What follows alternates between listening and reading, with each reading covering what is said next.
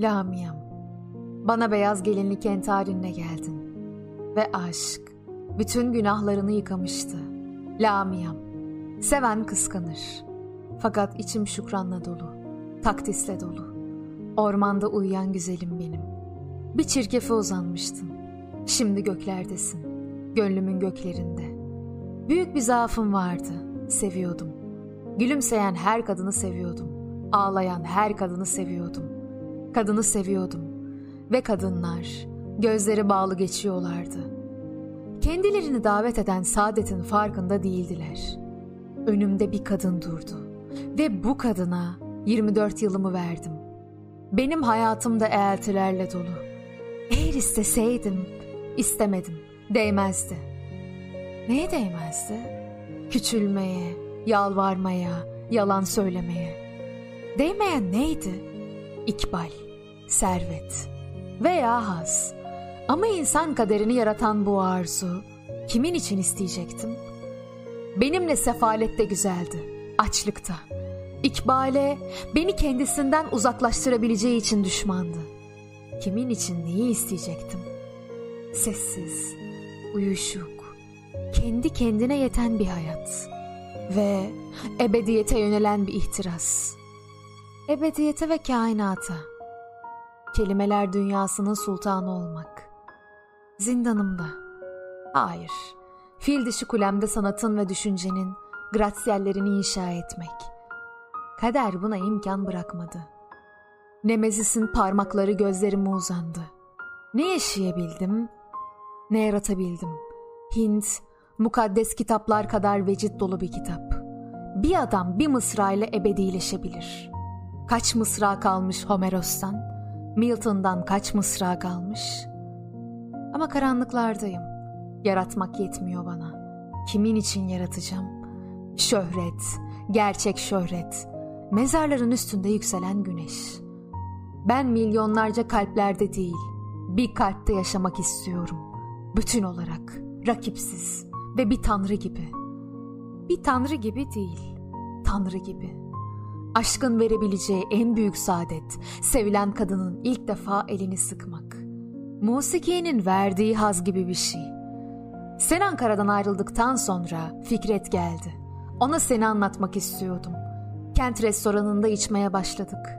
Şaşılacak bir anlayışsızlık gösterdi. Zil zurna sarhoş olduk. Ben bir daha görüşmemek üzere ondan ayrıldım. Dostlarım beni kocalarımı sanırlar, nişanlılarımı bilmem. Sevgimi paylaşmak istemezler. Ama seni sevmeyen kalbimden uyuz bir köpek gibi kovulur. Seni sevmeyen dünyama giremez. Senin dışında her konu beni yoruyor. Evdeyim. Dışarıda yağmur yağıyor. Herkes odada. Seninle baş başa kalmak için İngiliz edebiyatına sığındım. Bu da bir sohbet. Sıkılmadın değil mi? Zaten bugün sesini duymayacağım. Nerede olduğunu da bilmiyorum. Gözü yaşlı bir hava. Ama ben bütün rüzgara, bütün fırtınaya rağmen yine denize gideceğim. Yanan tenimi ancak dalgalar serinletebiliyor. Serinletebiliyor mu acaba? Yangın tekrar başlıyor. Hem de daha yaman, daha zorlu, daha zalim. Yalnızlığın bir nevi saadet olduğunu takdir et. Yalnızlıkta yalnız değilsin. İnşallah zatürre olmam. Olursam da ne çıkar? Yaşamadan ölmüş sayılmam. Sana birkaç yazı yolladım. Hepsi seninle dolu. Onun için güzel, hasretinle dolu, özleminle dolu. Türkçe hiçbir devrinde bu kemale erişemedi. Tanrı yazsa bu kadar yazabilir. Zavallı ben. Seni tanıyıncaya kadar zavallı. Seni tanıdıktan sonra zavallı. Görüyorsun ki her satır bir feryat. Bir feryat değil, bir arzu. Mazimle de seninle olmak istiyorum. Her düşüncemle, her rüyamla. Hatta her düşüncesizliğimle. Yazılarımı bilmelisin.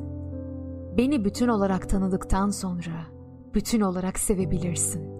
Istıraplarımı, hayal kırıklığımı, susuzluğumu ve sana olan ihtiyacımı anlayabilirsin. Şairler kaprisli olurlar. Bazı taraflarıyla kadındırlar. Kadındırlar. Çünkü bütündürler. ve dikenlidirler gül gibi.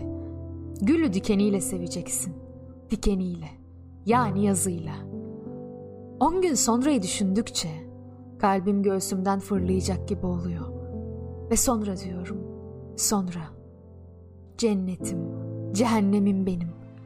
Ne zaman büsbütün, ne zaman yalnız, ne zaman ebediyen benim olacaksın.